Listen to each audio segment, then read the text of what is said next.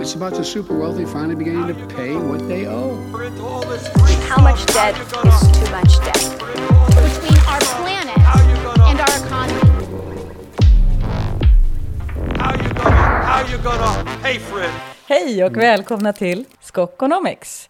Eh, jag heter Jenny Lindahl, vad heter du? Sandro Scocco heter jag. Jaha, ehm, det visste jag ju. Ja, Men, jag visste att du hette Jenny också. Så. ja, men jag tänkte att vi skulle börja lite den här gången med att lyfta anden och, eh, eller anden, vad heter det? The spirit, alltså typ eh, hö, höja moralen. höja sådär. moralen.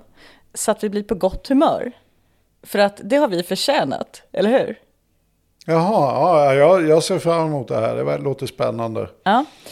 Eh, jag tänkte nämligen läsa några recensioner som har kommit in senaste halvåret. Eh, och sen tänkte vi då efter det, när vi har blivit på gott humör, bli på ännu bättre humör genom att lyssnar interagera lite grann. Jag har ju sagt i jättemånga avsnitt att ja, förlåt för att vi inte har svarat på lyssnarfrågor. Eh, förlåt för att jag inte svarar på e-posten. Förlåt för att jag inte... Ja, för vi har inte haft tid helt enkelt. Men nu ska vi lyfta några av lyssnarfrågorna, bland annat om finanspolitiska ramverket. Vi ska bocka av ett dåligt samvete helt enkelt. Nej, nu fick du då låta som någonting som vi inte vill göra. Nej, dåligt samvete kan ju vara någonting man vill Jag vet, göra, bara men- inte har gjort. Ofta, ja, i och för sig, men då är det ju ofta liksom, jag tänker så här, om du vill äta tårta, men inte äter tårtan. Okej, det här kan bära lite långt, men jag, jag tror våra kära poddlyssnare är med på vagnen. Men vi ska göra någonting som vi har sagt som att att, idag- vi har gjort och som vi borde ha gjort. Idag ska vi äta tårtan. Ja, perfekt. Idag äter vi tårta. Ehm, och sen så ska vi, nej det är allt faktiskt. Jag bara nej, för sen tänkte jag börja berätta vad vi ska göra nästa avsnittet efter det och så vidare, men det hör inte hemma här. Nej, Nej, vi sätter igång då. så Ehm, lite Q&A helt enkelt idag. Och först recensioner. Jag tar och läser. den här recensionen, den är på fem stjärnor. Det här är alltså om man i sin poddläsare, då kan man då ofta gå in och skriva en liten recension. Och eh, man kan också lämna så här typ en stjärna, det här var segt och långsamt, eller fem stjärnor, det här var det bästa jag hört. Och, vill jag understryka, jag hatar de som lämnar tre. Vad har vi för snitt? 4,6 tror Det jag. är ju, Det är bra. det är bra. Jag skulle hellre ha 5,0. Men ehm, de som lä- Mm. Då ser lämnar... det fejkat ut tycker jag. Jag, jag förstår varför man vill gå in och lägga en recension på en podcast man ogillar och ge den en etta. Man vill sänka den. Man Mm. känner, det här ska jag förstöra för. Och jag förstår hur man vill gå in och... Men vem... Eh, Ann går in och lägger en recension. Jag ska ge den här en tre. Jag tänker ta mig tiden att gå in, trycka på...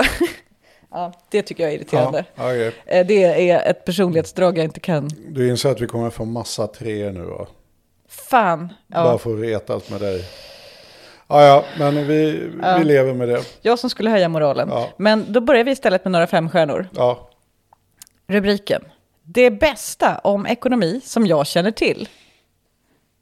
Om man sakligt och objektivt är intresserad av att förstå vad som händer, var vi befinner oss och vad vi kan göra, då är det här det överlägset bästa om ekonomi som jag har hittat. Det ger framförallt ett lagomt ut, en lagomt utmanande bas att arbeta sig vidare ifrån. Enstaka gånger kan jag tycka att det är lite för lättsamt, men när det är bra, då är det väldigt bra. Det enda jag saknar är lite tydligare läsreferenser. Anti B har skrivit den kanon. Vi tackar för det. Sen har vi bra men trist nytt namn. Den här är bara fyra stjärnor. Det är en stjärnas avdrag För att- namnet. För namnet, ja. Men det är det, typ. Um, Skocko är bra på det han gör. Ekonomi och ideologi och att kunna förklara det. Men det är inte ens hälften så bra utan Jenny Lindahl. Inte ens hälften. Nej, Sug på den. nu ska vi säga att det är Jenny som har gjort Det urvalet. skulle, vara, det skulle vara 45 procent av dig själv alltså, utan mig. Eller mindre, vad vet jag? 49 procent i alla fall, allra mest. Eh, och jag fortsätter läsa då. Skocko behöver en bra sparringpartner för att bli bra. Och då är Jenny nyckeln. Eh, så namnet får gärna reflektera det. det är alltså det som är avdraget här. Att det är två. Men men, podden är bra. Bättre än gamla pengar och politik som var för tråkig. Ehm, det var Det det där är inte. dessutom eh, sakligt fel. Är Därför de sakligt fel. inser inte hur mycket namnet faktiskt speglar dig. Därför namnet var det du som tog upp igen. När, när vi fick klagomål på oss att eh, Arena tyckte vårt eh, gamla namn var för snarlikt så var vi tvungna, tänkte vi att vi skulle vara snälla så vi skulle snabbt hitta på något nytt. Då var det du som sa att hade inte Micke Fellbaum någon, något begrepp som vi skulle kunna använda? Och det var just eh, Skokonomics. Så att det var Fellbaum som var den ursprungliga mm, uppfinnaren. Men det är faktiskt helt och hållet på ditt initiativ. Så att, eh, ja. Det stämmer ju. Ja, det är ju ett bra namn. För att ja. jag, Jag var faktiskt emot det om jag ska vara ärlig. Så att det, eller mot och mot, men jag var inte så förtjust i det. Du slogs. Nej, men det är sant. Så var det. Det var Ja. jag som tyckte det var Mm. kanon. Och det jag tycker också att det är kanon. Eh, Okej, fem stjärnor. En podd alla borde lyssna på. Om alla... Vänta, den förra var från Hanna Victoria Mörk, ska jag säga. Om alla hade lyssnat på pengar och politik hade det inte gått att lura och vilseleda folk. Dessutom är den underhållande. Användarnamnet är svårt att läsa. Ann-Laura Kmörtskob. Ja. Står så. Ja, Inte... ja. Men hur många sådana här ska du läsa? Nu börjar det bli så här genant. Alltså, nu är det... Tills du jäser bara- av eh, välbefinnande. Jaha, okej. Jäs, spinner. Um, Okej, fem stjärnor. Mm. Otroligt. Eh, en lucka som fylls, bra dynamik duon emellan. Hoppas på lite mer igen i framtiden, men tack, ni är bäst. Molly Gerbera har skrivit den. Fem stjärnor. Pengar och politik är rubriken. Eh, avsnittet om skattepolitiken var helt enkelt lysande. Tänk om journalister hade dessa insikter som utgångspunkt i frågor och analyser istället för de tröttsamma utläggningarna och strategier för att behålla makten. Tack Sandro, tack Jenny. Från Maria Dalhed Persson. Tack Maria. Alla är inte lika långa. En Nej. del är Sandro och sen ett sånt här mindre än-tecken och sen en trea. Det vill säga ett hjärta skrivet på Jag tangentbordet. tror det var så här, mindre än tre. Ja, det är mindre än tre. det var så här, lite... Ja. Ja, ja, när den, när den eh, emojin började, eller det var, alltså när det började komma, att folk skrev så här typ mindre än tre, som, eh, som ett hjärta, då trodde jag att, jag förstod ju att det var, skulle symbolisera någonting, men jag trodde glass. Jag trodde också att, jag trodde tills alldeles nyss att det var en glasstrut. Du trodde också det, vad kul. Ja. För jag har aldrig hört någon annan som trodde Nej. det, men Nej, det det kanske, gjorde de jag kanske med. bara inte vågar erkänna. Men när jag berättade det för en annan kompis så trodde den att det var en bikini med så här halterneck-snörning. Det är roligt. Att man skulle liksom, ja.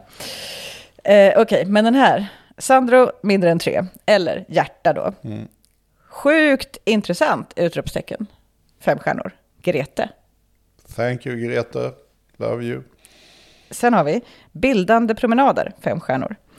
Har aldrig fastnat för en podd innan, men pengar och politik rekommenderar jag till alla och envar. Finns inte längre några tråkiga promenader och jag känner mig mer rustad att diskutera nästan vad som helst. Flipp understreck SN har skrivit detta. Thank you Filip. Men alltså nu, nu känner jag att nu kan vi inte läsa fler. Nu börjar jag bli bara generad och besvärad. Bubbelspräckarpodden, Ja, fem stjärnor. gehör. Eh, Jag hör, hör dåligt idag. Mm. Perfekt podd för alla som sitter fast i en högervinklad filterbubbla. Varje poddavsnitt är en djupdykning i aktuella ämnen där Jenny och Sandro levererar sina argument och fakta i frågan. Stäng inte av för tidigt för då kan ni missa Jennys utskällning när Sandro börjar prata i outrot. Ja. Från Z- Slim00. Eh, det är bara en kvar. Jag tänker läsa den också. En kvar av dem jag har skrivit ut. Fantastisk podd, fem stjärnor. Har snabbt blivit min absoluta favoritpodd och ständiga inspiration till samtalsämnen med vänner, vänner, kollegor och familj. Bättre än den nationalekonomikurs jag läste på industriell ekonomi. Rekommenderas varmt. Från Japan Jens. Bra va? Underbart. Eh, då har vi klarat av det. Ja, Eh, känner du att... jag vill ha de här enstjärniga recensionerna. Sån är jag. Ja. Ehm, jag tar, vi tar dem nästa gång då. Ja. Nej, vi tar de trestjärniga. Och så, nej det gör vi inte. Nej, De nej, kommer vi aldrig läsa. Nej, Nej. men de enstjärniga, eh, de är ju ofta så här väldigt vänstervinklat och agendadrivet. Så brukar de vara. Jaha, ja, det skulle man kunna tänka sig. Nu finns det ju inte så många enstjärniga. Helt obegriplig kritik faktiskt. ja. Det här är opartiskt. Ja. How you gonna, how you gonna pay for it? Då går vi in på lyssnarfrågor. Och vi har ju mängder av lyssnarfrågor. Vi kan inte ta alla så här, utan vi har bara valt ut några som kanske lite tematiskt eh, funkar ihop och så. Så jag tänkte börja med en som, är, ehm, som handlar om det förra avsnittet. Eh, för det är bra, när vi nu har chansen att vara lite aktuella, att vara det, nämligen pensionerna.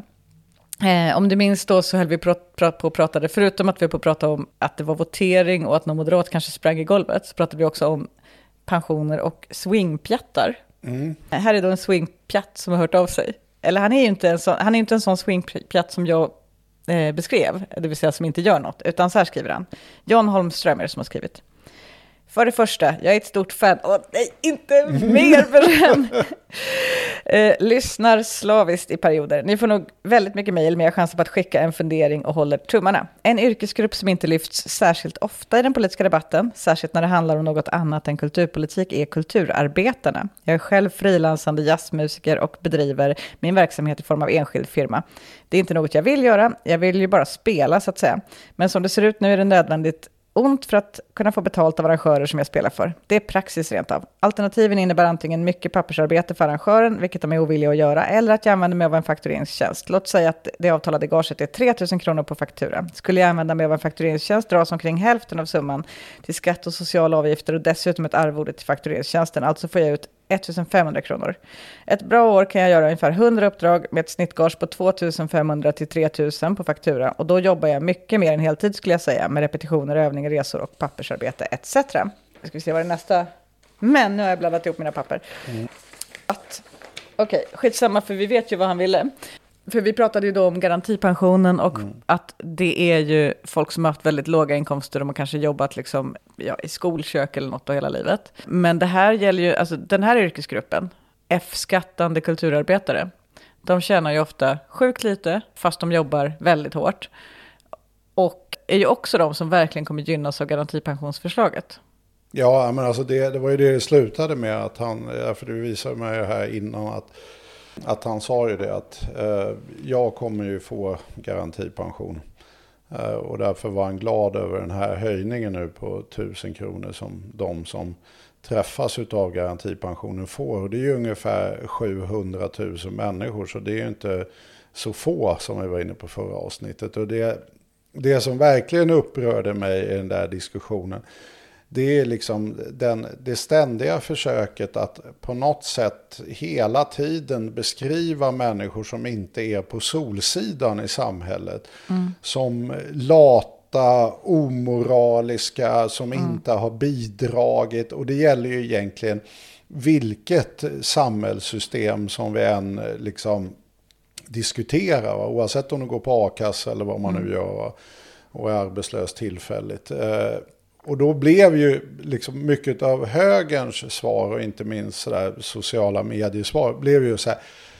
Vad är det för snack? De här människorna har inte byggt landet. Det är ingen som har jobbat av de här. Va? Och antingen är de ju fruktansvärt okunniga och, och verkligen tror på det de säger. Eh, men det förändrar ju inte faktumet att det de säger är en lögn.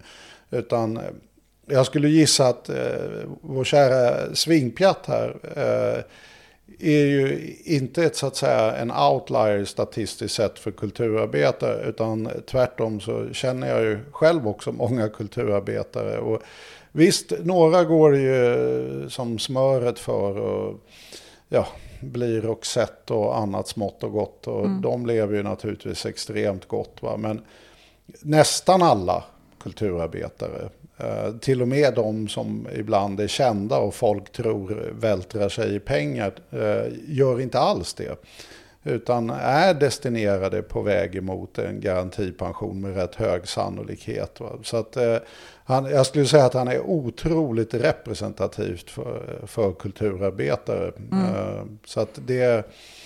Och det är ju det här som är det stora dilemmat med dagens debatt. Att, att vi slänger oss med massa liksom ja, vad som på ytan föreställer vara faktauppgifter men som de facto inte alls är det. Och så går folk och bygger upp de här fördomarna om både människor som är arbetslösa eller människor som är sjuka eller människor som går på garantipension och så vidare. Va?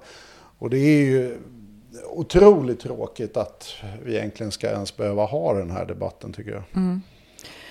Nej, men jag jobbade ju på Svenska Tecknare förut, som är en facklig organisation för dem, för just egen, alltså alla dessa, nästan alla är F-skattare som jobbar med illustration och formgivning. Och eh, där så gjorde vi, när jag började där, en eh, medlemsundersökning där vi, där vi ställde massa frågor om, om, om deras arbetsvillkor, om deras arbetstider och om deras inkomster och så. Och det var i och för sig kanske inte chockerande, men ändå chockerande. Alltså jag visste att det skulle vara lågt. Men i den här branschen, kulturarbetare, så har ju inte den här fackliga grundtanken riktigt slagit till. Det finns liksom inga miniminivåer som man har kommit överens om att hålla, utan, eller det finns ju det, arvodesrekommendationer. Det kan man råka ut för om man jobbar liksom i en folkrörelse eller något och har någon gång bokat någon, så kan man ju få höra, då vill jag ha författararvodets minimiarvode till exempel. Mm. Så det finns ju liksom ändå. Men det är just illustratörer då, de är Eh, det är ju allt från de som kanske ritar körsbären på liksom, nätkasino, eh, till de som gör barnböcker, till de som gör eh, säg liksom hjärtat i genomskärning i en informationsbroschyr från 1177 eller så. Liksom. Så det är, liksom, det, det är ja, illustratörer helt enkelt. Um, då frågade vi ja, men hur, hur, mycket, hur stor del av sin försörjning som var från illustration och hur, hur, många, hur, hur, stor procent av en arbetstid som de arbetar i arbetstimmar. Då, då fanns det ju liksom inte mer än 100 procent tyvärr. Det borde vi tänkt på att eh, många jobbar mycket mer än så. Men det fanns bara 100 procent för max. Eh, och då hur mycket de har som deklarerad årsinkomst. Mm.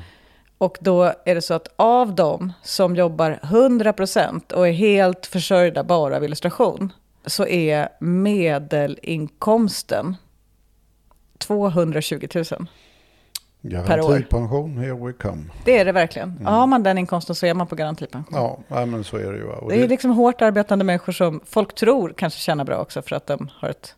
Eh, de syns i en bokhylla eller så liksom.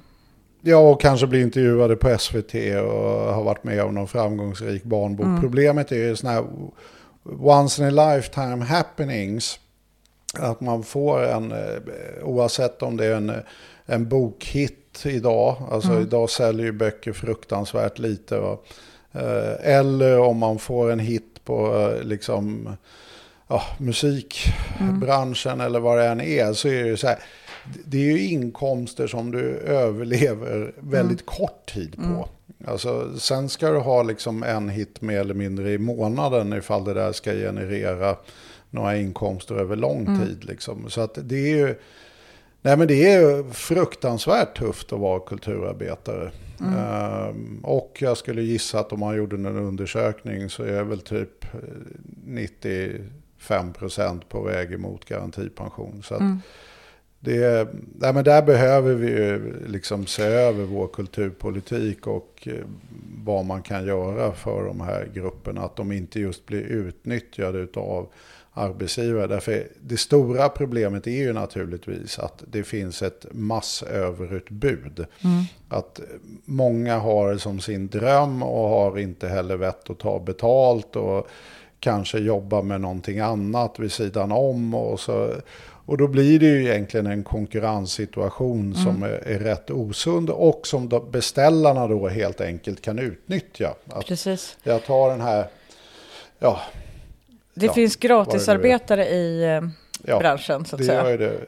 Eh, Stor mängd dessutom. Ja, och, eh, det, jag menar, och det är klart att eh, om jag ber dig rita en grej och så ritar du en grej och så använder jag den. Det är liksom helt rimligt. Men det finns också en förväntan. Alltså typ, jag, eh, jag, tror att alla som, som liksom är typ men till exempel serietecknare, eh, vill säga har ganska hög profil, syns mycket, är lite kreddiga. Eh, jag tror liksom om, om jag skulle höra av mig till Mats Jonsson, Eh, eller inte om jag skulle göra det, för han skulle bli jätteförvånad om just jag gjorde det. Men eh, om du skulle höra av till Mats Jonsson och säga så här, Hej, eh, jag vill att du ska rita till min nya bok. Eh, kan du göra omslaget? Eh, jag kan tyvärr inte erbjuda något arvode, men jag tänker att det är ett bra tillfälle för dig att synas. Så skulle han ha hört det liksom tusen gånger förut. Eh, för det får man hela tiden. Ja, vi ska inte uppehålla oss kring, men det är verkligen någonting man jag tycker vi alla kan tänka på. Att det är, inte, det är helt, helt osoft att be kulturarbetare jobba gratis. Ja, Mer är- osoft än att be en läkare jobba gratis eller en takläggare. Ja, för de, de blir har- inte, de rock, har inte hört det åtta gånger om dagen redan. Nej, och inte bara det. De har ju oftast en inkomst generellt sett som ändå är rätt god. Ja. Och, och det har ju inte kulturarbetare. Nej, men det är, det är ett jätteproblem. Men, men det visar just, men det, det är ju inte bara dem. Jag menar, om du är vet, kommunalare som var inne på och jobbar deltid med de lönerna som är där, då är du också garantipensionär. va? Alltså det, Exakt. det är liksom även de som har helt normala men lågavlönade jobb. Och jag menar, om vi tittar på hur ekonomin utvecklas nu så är det ju en än större grupp som kommer hamna där. Utan vi, vi behöver ju tänka om hela pensionssystemet. Och det är ju det, är ju det ambitionerna även i det som har pensionsgruppen med det här med 60% kvar och så vidare. Det, det är ju också på väg, och, eller är inte på väg, utan har ju fallerat. Att de, man lyckas ju inte hålla uppe de nivåerna för de som jobbar där vi ändå tänker oss någon form av inkomstbortfallsprincip. Det vill säga att har man tjänat mycket så ska man få en viss procent av det man tjänar. Garantipensionen är ju mer ett sätt att hålla uppe golvet. Att du måste få en pension oavsett vad du har gjort som du ändå överlever på. Eh, och det golvet ska ju egentligen inte människor som har jobbat hela sitt liv vara på. Va? Eh, Men så är det ju nu. Men det gör ju också det att de här ovanför så att säga får ju också alldeles för lite utdelning. Och det, det har vi, vi har ju låst in det här i en otroligt dum konstruktion som i praktiken innebär att eh, Socialdemokraterna och Moderaterna måste komma överens om att vi ska på ett generellt sätt förbättra för Sveriges pensionärer. Och då bör man ju inte vara särskilt konspiratoriskt lagd för att eh, inbilla sig att Moderaterna tycker att det är en bättre lösning att människor får spara till sin egen pension. Uh, Och det funkar ju superbra faktiskt att göra det om man har riktigt höga inkomster. Och det gör ju också alla med riktigt höga inkomster. De sparar också till sin egen pension. Problemet är att, precis som den här, vår kära jazzmusiker här var inne på, att han hade ju att välja mellan att försöka då så att säga ta ut mindre nu för att ta ut mer sen. Men han, han kunde inte ta ut mindre nu för att överleva. Och det är precis så världen ser ut för stora delar av befolkningen. Att de har inte råd helt enkelt att göra det valet som eh, nyliberaler skulle vilja att de gjorde. Därför då överlever de inte här och nu. Eh, och det är ju det som är kruxet med den här spara till din egen pensionsdumheten. Att de som absolut skulle behöva spara mest, eh, det vill säga de som inte kanske haft hög lön, tjänstepension och allt det här som ändå gör att man får en hygglig pension. Det, gör, det, är att det är just de som inte har råd att spara och då måste man ju naturligtvis lösa det här på systemnivå. Va? Men här finns det ju ja, politiska ideologiska skillnader och just nu är ju systemet inlåst i en sån här S och M måste komma överens och det är inte så himla lätt när man har helt olika, förhoppningsvis helt olika syn på hur samhället borde organiseras. Jag vill också säga till... eh, Jag ska bara kolla upp namnet här ju. Här har vi det. John. Till John, Till John. hette vår jazzmusiker John? Ja. Ja, Bara säga till John att jag hoppas att det är ganska korta spelningar, de här som han fakturerar 3000 för. Inte bara det, jag hoppas att han får vila sig någon gång. Därför, alltså 100 gig per år Men man är får, ju tänka, liksom man får hoppas liksom att några, några av de giggen är då... Det står inte vilket instrument det är, va? Nej, eller jag såg inte heller den när jag skummade den Nej. i läste den. Eh, Men säg att han då, någon säger så här, ett gig kan ju vara att eh, han kan sitta hemma och bara dra av en eh, typ saxofonslinga och skicka in. Och det går snabbt. Och då fakturerar jag 3000. Det är bra. Men Ja. om han ska åka till Alingsås, stå, stå på scen och bara... ehm, och sen åka hem, då är 3000 riktigt dåligt. Då, då det, det, det borde han inte göra. Jag bara säga. Ja, fast eh, ja. Nu är jag ju mer försiktig med sådana här bör. Va? Alltså är det det sättet Ingen han, är det det sättet han kan överleva på så får Jag vet att det ser det. ut så. Eh, men det är liksom, eh, ja, man borde betala bättre. Men det är tufft. Men det håller jag med om. Men, nej, men Den här förresten hans- medelinkomsten jag pratade om på 220 000 för tecknarna. De, eh, då ska man också komma ihåg att i den branschen så finns det ju, och som också svarade på medlemsundersökningen, så finns det ju ett litet segment, the one percent så att säga, som eh, har riktigt höga inkomster. Alltså till exempel, nu har ju hon gått bort, men Gunilla Bergström eh, som har gjort Alfons, eh, alltså hon hennes royalties är såklart astronomiska. Så att några drar ju upp medlet, så att ännu sämre, eftersom det där Så var där är det medelinkomsten. ju inom mer eller mindre alla kulturbranscher. Mm. Att det är... Det winner takes it all-fenomenet är ju enormt. Va? Alltså, i, liksom, tar man bland författarna, va? Så alltså, idag så säljer ju romaner nästan ingenting. Du kan ju vara en jättekänd romanförfattare och tjäna spottstyver. Och sen har du ju de här eh, Camilla Läckberg och Lagerkrans och gänget som tjänar hur mycket pengar som helst. va. Eh, och det är ju likadant inom musiken, inom teatern. Att de flesta Men de liksom, som tjänar mycket pengar där, de tjänar det väldigt är de som gör pengar. det på grund av att de har eh, mängd, de har en publik så att säga. Det det är publiken som betalar dem. Men vad som också är intressant är de som inte har en publik, till exempel grafiska formgivare. Mm. De säljer, alltså, man säljer ju inte form till folket så att säga. Eh, utan man säljer det till en förläggare eller till en, en tidning eller så. Eh, till exempel. Men alla som rör sig mot eh, producentledet eh, som, som kunder eh, och inte till folket som kunder. Även de allra, allra bästa i branschen, de som är toppnamnen, de som man tänker de här lever fett, har också sjukt låga arvoden i hela den här, för att det är en kulturbransch liksom. Ja, ja, men det är, ju- det är ju därför de är på en traditionell marknad. Deras privilegium är att de ändå får jobba hela Mm.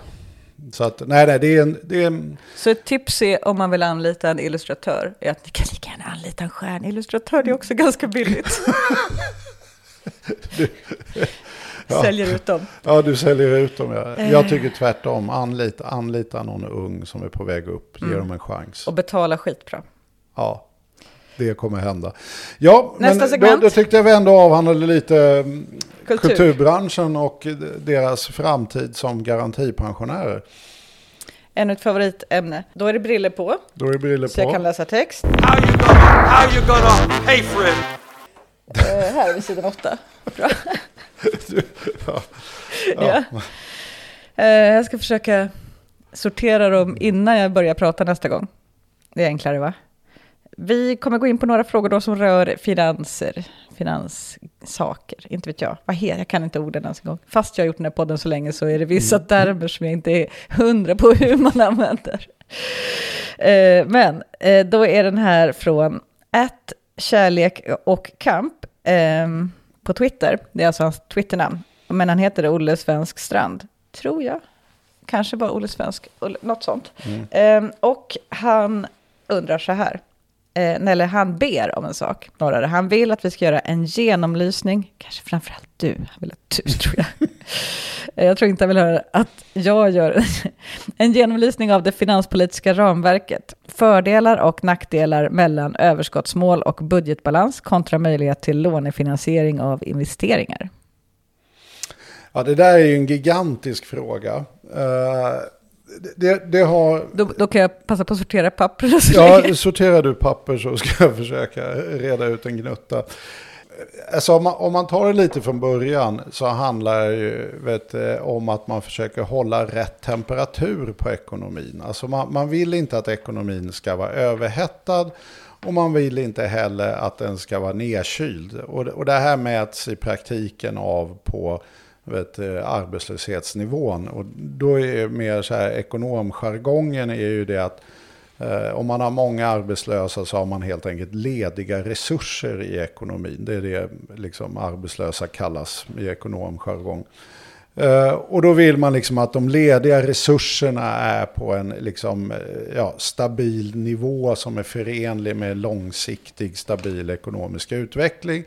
Och då har vi haft en föreställning om att eh, om ett NIRO, det vill säga Non-Inflational Rate of Unemployment, och det betyder att vid något tillfälle om arbetslösheten blir lite för låg, då skenar eh, inflationen och liksom bara stiger och stiger och stiger. Det där har ju fått ordentligt med stryk eh, som begrepp den senaste tiden. Eh, och det ena stryket går ut på att eh, den här nivån egentligen inte alls går att bestämma. Därmed är det liksom en helt icke-instrumentell teori. Alltså det går inte att säga att det är 2 arbetslöshet eller 5 eller 7 och 8. Ändå gör man det. Uh, och, och, man säger att ja, men det här är nog någonstans runt 7 och då styr man ekonomin mot att vara 7. Och då blir det ju snarare en självuppfyllande profetia och då kanske man sitter och håller en arbetslöshet som är mycket högre än den man faktiskt behöver. Och då är det ju den här idén om att jo, men vi kan ju ändå göra de här proxyberäkningarna på det här och då petar man in massa värden i en modell och så vidare. Va? Det har ju bara visat sig att de modellerna är ju helt opolitliga. Att det, de funkar i praktiken inte. Utan de modellerna genererar i princip vad som var arbetslösheten. Att man får alltid att den framtida arbetslösheten som vi kan ha utan att få skenande inflation är ungefär den arbetslösheten vi har. Och det är inte så vettigt analytiskt. Så det är den ena kritiken, att det här går ju inte att använda i och med att det går inte att räkna på. Man kan ha det som en teori sådär, liksom att någon gång så startar inflationsbrasan. Eh, men den andra kritiken, den handlar ju om att inflationen skenar inte alls. Du kan få liksom en liten höjning av nivån av inflationen. Men den kommer inte skena iväg så att säga som antyds av den här teorin. Mm. Men det här har ändå varit och är det helt styrande konceptet. Och, och då hade man förut så att regeringen i praktiken ansvarade för detta. Det är ett styrande koncept menar du så, i bemärkelsen att politiker och eh, ekonomer tror att det är så? Det är så, och man jobbar efter den principen att det är så. Ja. Nu har det fått ordentligt med stryk på sista tiden, och då talar jag sista tiden, talar jag om de senaste tio åren. Och då kan man säga det att hur håller man då den här temperaturen eh, lagom varm i ekonomin? Va? Jo, då, är, då var den gamla bilden, kan man säga, mellankrigstiden fram till åtminstone 1980, att det skötte man i hög utsträckning med finanspolitiken. Och finanspolitiken är helt enkelt att staten bränner eller låter bli att bränna pengar. Eh, och då minskar man och ökar efterfrågan i ekonomin. Alltså om staten säger vi lånar upp massa pengar från utlandet och så kör vi ner det i ekonomin med, ja, med massa utgifter. Vi anställer massa människor, offentlig sektor och så här. Då ökar ju efterfrågan i ekonomin. Därför då kommer ju de här som kommer ifrån arbetslöshet och plötsligt får jobba inom vård, omsorg, skola eller vad det nu är, hemtjänst och annat. Då får ju plötsligt de mer pengar att röra sig med och då börjar de springa och handla grejer på Ikea och Konsum och så vidare. Va? Och då sjunker ju helt enkelt arbetslösheten. Så, mm. så, när staten ökar förbränningen av pengar, då ökar också efterfrågan i ekonomin mm. och då vet du, minskar arbetslösheten. Det var den gamla modellen. Och det är det som kallas finanspolitik. Men vänta, va? Alltså vänta, nu är jag inte med. Eh, alltså, det kan bero på att du fipplar på telefonen om jag bara får eh, vara lite gnällig. Du, jag jobbar med våra grejer. Eh, nej men alltså, vadå, det som kallas finanspolitik är väl, eh, alltså det, det, är väl en finanspolitik? Nej, det är det som är finanspolitik. Men vadå, kan man inte säga så här, typ, vi behöver en annan finanspolitik? Jo, men då betyder det bara att du vill höja eller sänka utgifterna i praktiken. Den går bara åt två håll så att säga. Ja. Upp eller ner. Ja. Så att, Just det. där du säger att vi behöver vilken, en annan. Vilken då- tes som ska liksom ligga till grund för... Förstår du, vad jag, förstår du vad jag blev förvånad över? Mm, ska jag vara helt ärlig, nej. Eh, Nej. Ehm, nej, men det som jag inte fattar här är, eh, menar du att liksom, finanspolitik definieras utav också en ehm, tes om att eh, ekonomin fungerar så? Alltså typ att, När man använder finanspolitiken på det sättet, Mm. då, och det är det vi i praktiken kallar för keynesianism, Mm. Då var ju tesen att det fungerade på det sättet. Mm. Att om staten höjde sina utgifter, då sjönk arbetslösheten och så var ju den underliggande tesen att då fick man leva med något högre inflationsnivå, men inte att den skenade, utan att inflationen blev så att säga på en stabil med något högre nivå. Va? Vilket är en helt annan grej än skenande inflation så att säga. va. Men det som händer, och det är jag på väg till, för jag tror man måste förstå det här med finans och det jag nu ska komma till, penningpolitik. Därför det är nämligen två helt skilda saker idag. Förut så jobbar ju de lite ihop sådär va, och man hade då till exempel när man hade fast växelkurs i Sverige eh, tidigare, då var ju liksom penningpolitiken, som i princip är att eh, centralbanken, i vårt fall då Riksbanken, höjer och sänker räntan. Så om vi jobbar med de här väldigt enkla modellerna nu, va? alltså penningpolitiken är att Riksbanken höjer och sänker räntan, sen kan man göra det mycket mer knepigt, men vi struntar i det. Och finanspolitiken är att staten höjer och sänker sina utgifter. Ja. Då har du två grejer du kan leka med va? för att hålla den här temperaturen lagom i ekonomin. Eh, och då sa vi förut så att, och framförallt när vi hade växelkursmål, eller man överhuvudtaget hade det, då, då använder man liksom räntan, inte till att vet, eh, höja och sänka temperaturen i ekonomin, utan den använder man i huvudsak till att stabilisera valutan. Därför om du höjer räntan, då blir liksom svenska kronor mer värda och då får vi ett inflöde av utländsk valuta som vill köpa svenska kronor. ja, men det här känns inte som vi har pratat om. Ja, det kanske vi har gjort. Jo, men vi inte, ha men jag säger att vi inte har gjort det. Har vi inte gjort det? Nej. Ja, det måste vi ha gjort någon gång. Att man höjer alltså räntan för att stärka valutan. Japp, när du har ett valutamål, så när vi hade en fast växelkurs, Mm. eller snarare inom ett spann, så om det var på väg att sjunka under, och den svenska kronan i förhållande till ett gäng andra valutor vart för lite värd, då, då liksom var vi tvungna att locka till oss att folk skulle köpa kronor, så Mm. efterfrågan på kronor ökade.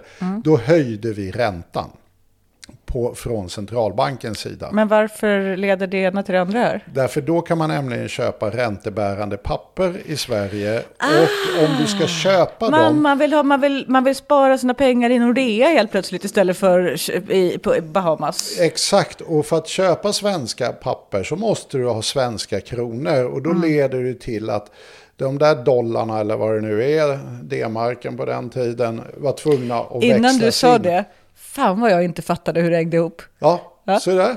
Kul. Kul, att man Nu är, bidra med idag har jag någonting. verkligen lärt mig något. Ja, Redan, och då är du inte ens färdig med... Nej, det är ändå bara på det gamla systemet.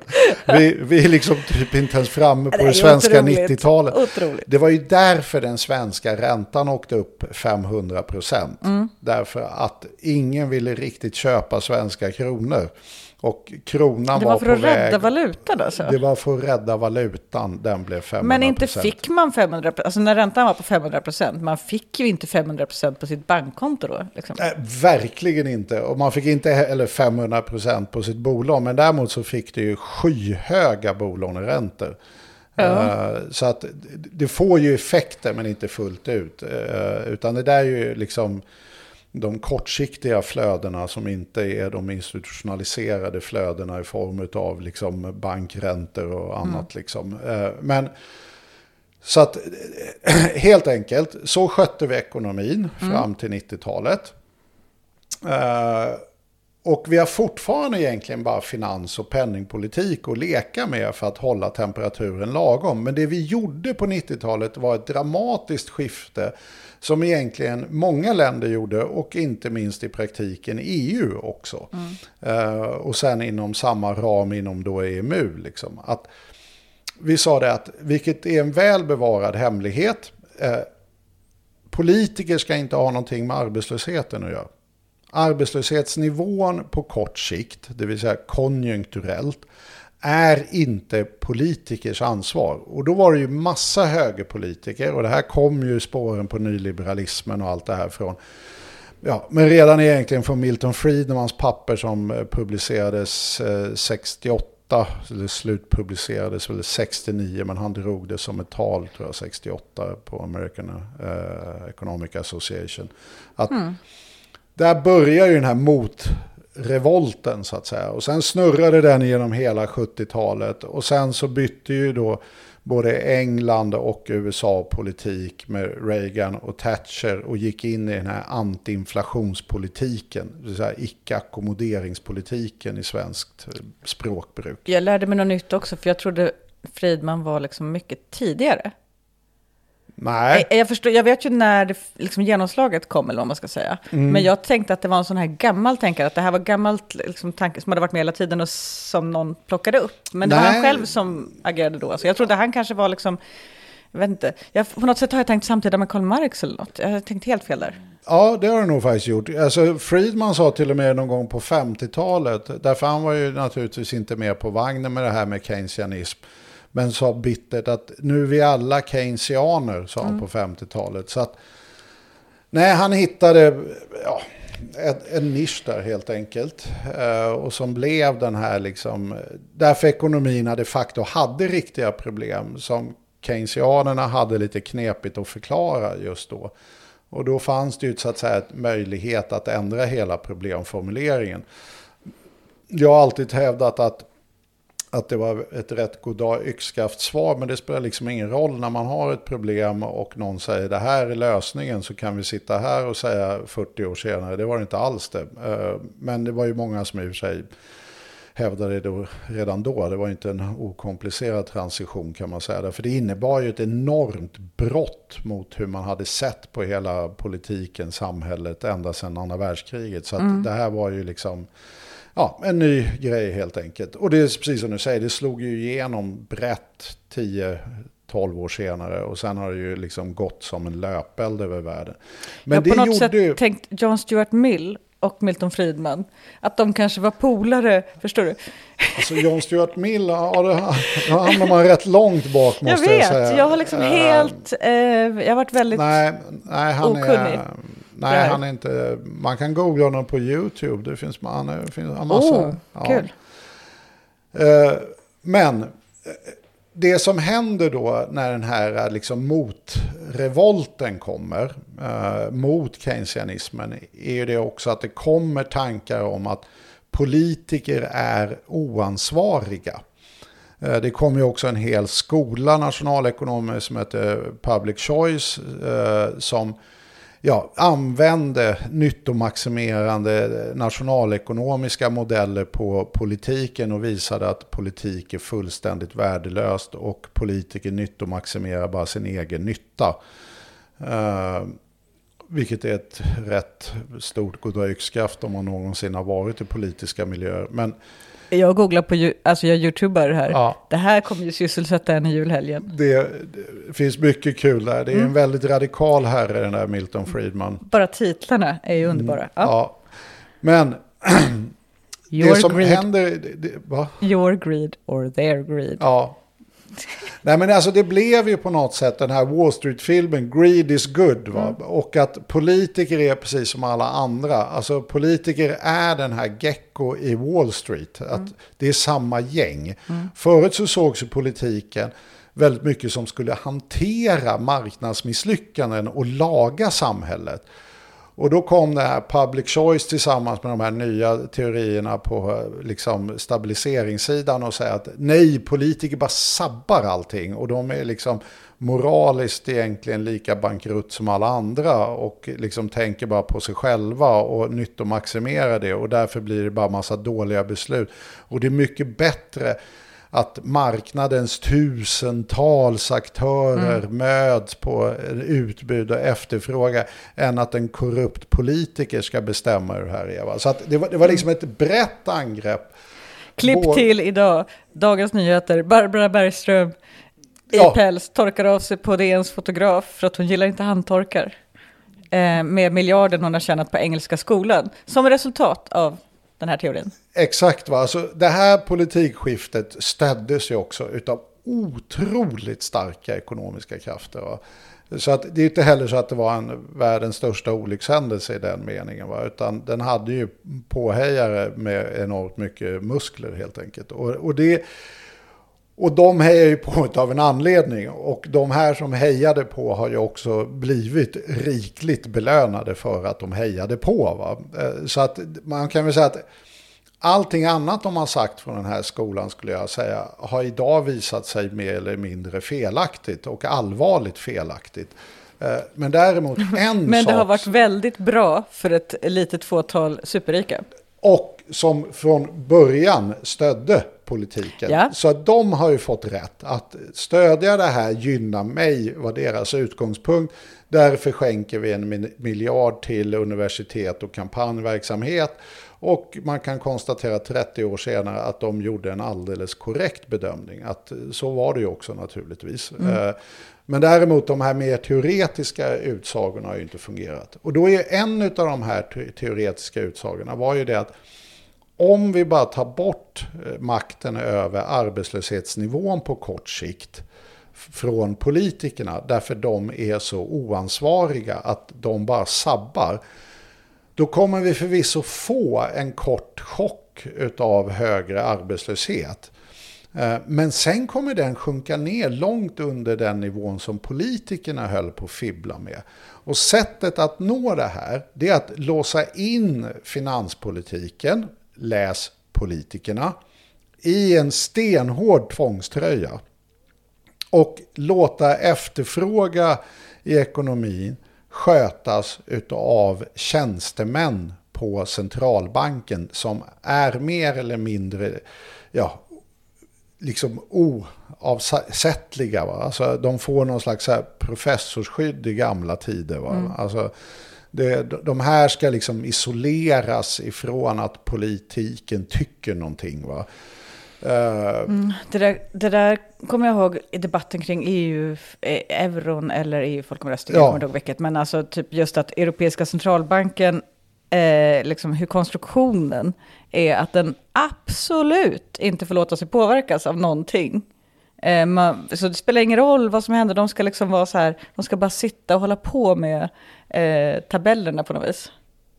Ja, men alltså det är helt, alltså vi hade ju precis samma debatt. Nu är det ju mycket, mycket öppnare klimat. Men när vi genomförde de här reformerna på 90-talet och så var jag med i debatten på den tiden och, och, så hade jag en viss roll och så hade jag då kritiserat eh, vet, Riksbanken därför de höll en alldeles för stram penningpolitik.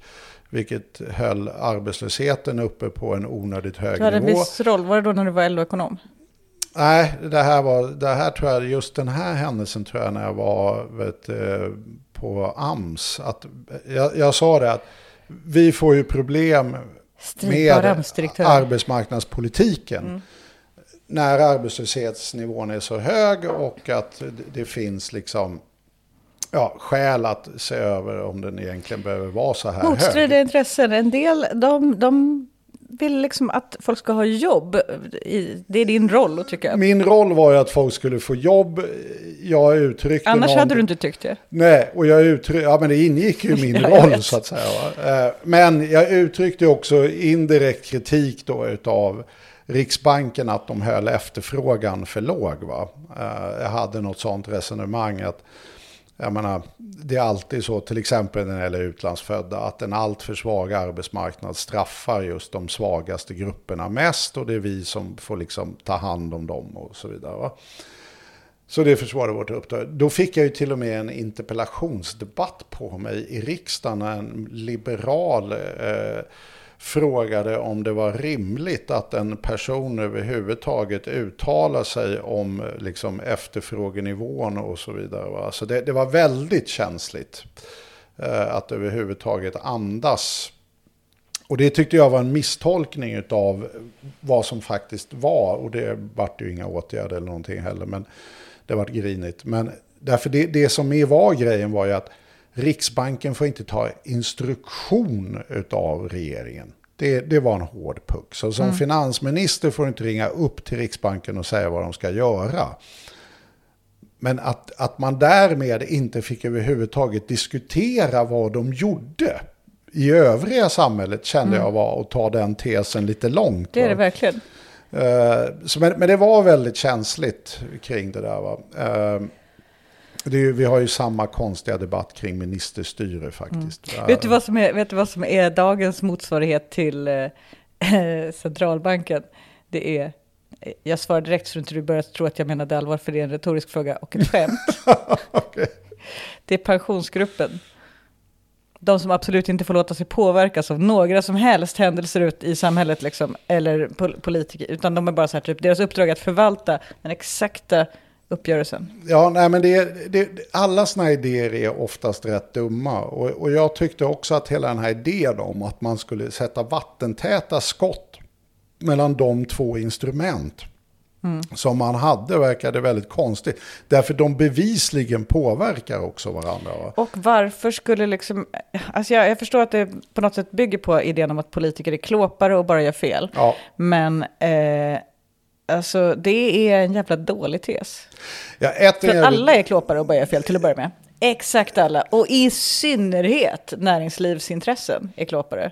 Ja, och Riksbanken gjorde ju monumentala fel under mm. första hälften mm. av 90-talet. Så att lyssna på liksom någon snäll socialdemokratisk 90, statsminister, på hade det verkligen varit sämre? Liksom? Nej, nej, nej, nej men det, det, det, är ju hela den här idén om att vi, vi kan bara avhända oss makt till några visa män. Mm. Är ju, ja, inte, den är ute. Den är ute och rätt dum. Va? Man har ju lärt sig om det är någonting jag har lärt mig i livet så är det att de finns inte riktigt någonstans att tillgå.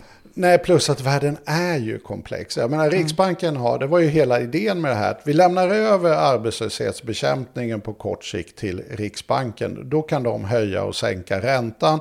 Och vet du, höjer man räntan så minskar efterfrågan, mindre mm. åka och köpa grejer på Ikea och så vidare. Sänker man räntan så ökar man efterfrågan, mer åka till Ikea.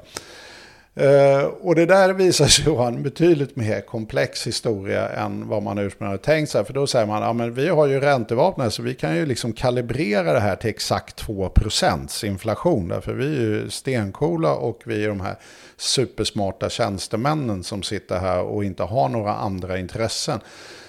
Sverige har ju i princip nästan aldrig lyckats uppnå 2 procent. Så vi har ju ett snitt som ligger mm. betydligt under 2 procent. Så att det visar sig vara lite korvigare uppenbarligen att nå de här 2 procenten. Eh, dessutom visar det sig att man kunde räkna där lite hur man ville också. Därför till exempel just nu så har vi faktiskt 3,1 procent inflation. Och då blir alla så här, wow, inflationen är 3, ja, fast den å andra sidan 1,8 om vi bara tar bort energipriserna.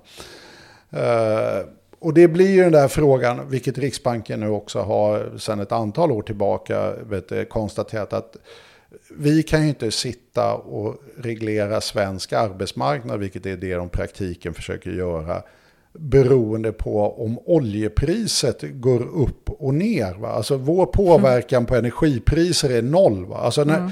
Hela poängen med att höja och sänka räntan är ju att påverka någonting. Mm.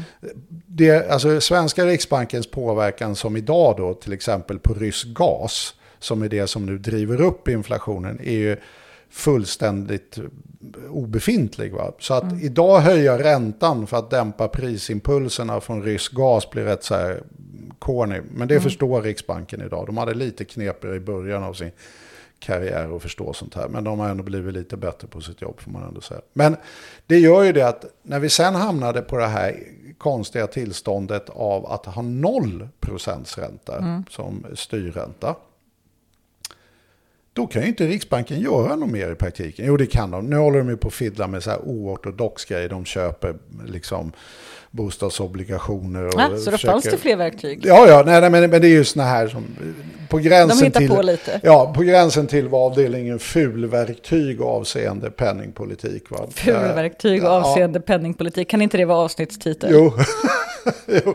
Ja, men det, är, det är väldigt okorser. Eh, Det var som Paul Krugman en gång sa. Man vet att man är ett utvecklingsland när man slår upp centralbankernas eh, kassaböcker eh, och upptäcker att de äger allt möjligt skit.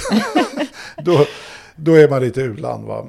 Eh, och så var det ju förut. Liksom. Förut så var det ju så här, men de, de hade liksom guld, eh, statsobligationer ungefär. Liksom. Att det, det var väldigt enkelt att slå upp en balansräkning för liksom en centralbank. Liksom. Men idag ser det ju inte ut så. Idag äger de allt möjligt konstigt. Eh, även i västländerna. Va? Så att det är lite av fulbranschen då tycker jag man kan stå för. Men om vi återgår till det här med nollränta. Då har de väldigt svårt att påverka. Och det var ju rätt kul. Jansson som är en av dessa vise män idag. som Jansson? Sitter, ja, han är riksbanks... Eller inte... Ja, han sitter i vet, du, riksbanksledningen, en av sex ledamöter. är inte han. Ingves eller något som är... Ingves är högsta hönset för Ja. hela, han är riksbankschef. Han är, men han har ju en eh, direktion utav, som faktiskt beslutar då i någon mening demokratiskt. Och nu är ju de sex och då skulle man kunna tänka sig att det alltid blir oavgjort. Eh, Men så är det inte och så kan det heller inte bli. Därför Yngves röst har utslagningsröst. Så att de kan alltid avgöra frågan även om de skulle vara tre mot tre så länge Yngves är på ena sidan. Ing, Ingves. Ingves. Heter han väl? Ja, Ingves, om du lyssnar på det här, jag tror inte han gör det, men Nej. Ingves, om du lyssnar till det här så, eh, jag kan tänka mig någon gång i framtiden att, att jobba för er, för att jag tänker mig med all den här liksom mystiken och eh, liksom regelsystemet så skulle man kunna skapa otroligt bra, alltså man kanske, jag tänker mig någon slags capes man kan ha. Eh, det håller jag med om. Det skulle kunna bli... Eh, inskriptioner i golvet. Alltså man ställer sig i en cirkel eh, på sina inskriptioner. Det kommer ner, alltså typ, och sen kommer det upp rök och så vidare. Ja, ja, det här Alltså kan bara, bli skitbra. ritua- bara ritualerna när man blir utsedd skulle ju kunna bli riktigt Alltså vassa. jag känner att jag kan jobba med det här. Ja. Jag skulle kunna göra det här skitcoolt. Varför inte slänga tillbaka de gamla perukerna? Ja, verkligen. Fast snyggare peruker, för så snygga är de ju inte. Det ska väl kanske vara istället då att man har, jag, inte, jag ska hitta en helt ja, unik Ja, design. men du, du kommer lösa det. Men, Ja. men här sitter ju ändå, eh, får jag ändå säga nu när vi är så himla Ja. elaka, ja, men, eh, duktiga och bra människor, Ja, sex såklart. stycken, och försöker liksom tänka ut hur, hur grejerna ska funka. Och inte minst hur de ska klara av att nå sitt inflationsmål. De har ju i praktiken bara ett mål, det är att den ska vara 2 procent. Eh, då har de det här instrumentet nu som är helt impotent. Och då kommer faktiskt till och med Jansson ut nu då, som är vice riksbankschef då, sitter i direktionen och säger plötsligt "Ah, vi skulle kanske ha lite mer aktiv finanspolitik. och det är ju egentligen, hade, hade man sagt det från eh, Riksbankens sida för 15 år sedan så hade man ju, ja, avgå behöver de ju inte göra, men, eh, men det hade blivit ett väldigt stort hallå. Nu blev det lite mer avdelningen notis. Och jag förstår dem, därför att lönebildningen, som är egentligen det man egentligen försöker kontrollera, den levererar för lite inflation. Alltså löneökningarna för att nå inflationsmålet är för låga. Och då vill ju de att politikerna brassar på lite så att arbetsmarknaden kommer igång och att arbetslösheten sjunker och så vidare. Det vill säga, de vill i praktiken att nu politikerna ska göra det jobbet vi har bestämt att de ska göra. Och det är väl svårt att tänka sig att ett system visar att det inte fungerar på ett mer tydligt sätt. Frågan här är ju fördelar och nackdelar mellan överskottsmål och budgetbalans kontra, jag tycker, fanns det några fördelar då? Det är det som är det. Jag var tvungen att dra denna oändligt långa förhistoria för att just komma till att det är ju så att Riksbanken kan alltid motagera en mer offensiv stat än vad Riksbanken tycker är lämpligt. Därför om du, om du tänker så här nu, eh, regeringen tänker att ja, men vi vill brassa på och få ner arbetslösheten. Eh, så vi slänger ut extra 10 miljarder. Det kommer ge lite jobb.